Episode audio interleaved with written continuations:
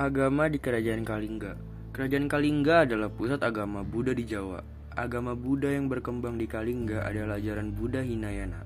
Pada tahun 664 Masehi, seorang pendeta Buddha dari Cina bernama Huining berkunjung ke Kalingga.